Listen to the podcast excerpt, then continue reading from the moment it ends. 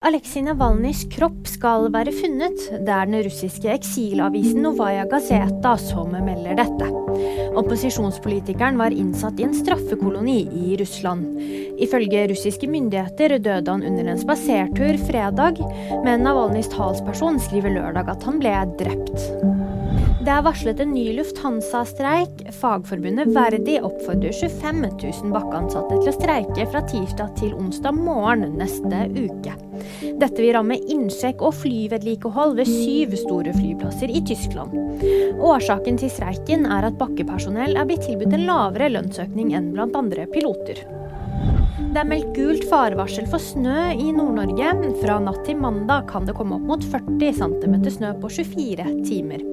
Dette gjelder deler av Troms og av Vest-Finnmark. Mer om vær og andre nyheter finner du alltid på VG.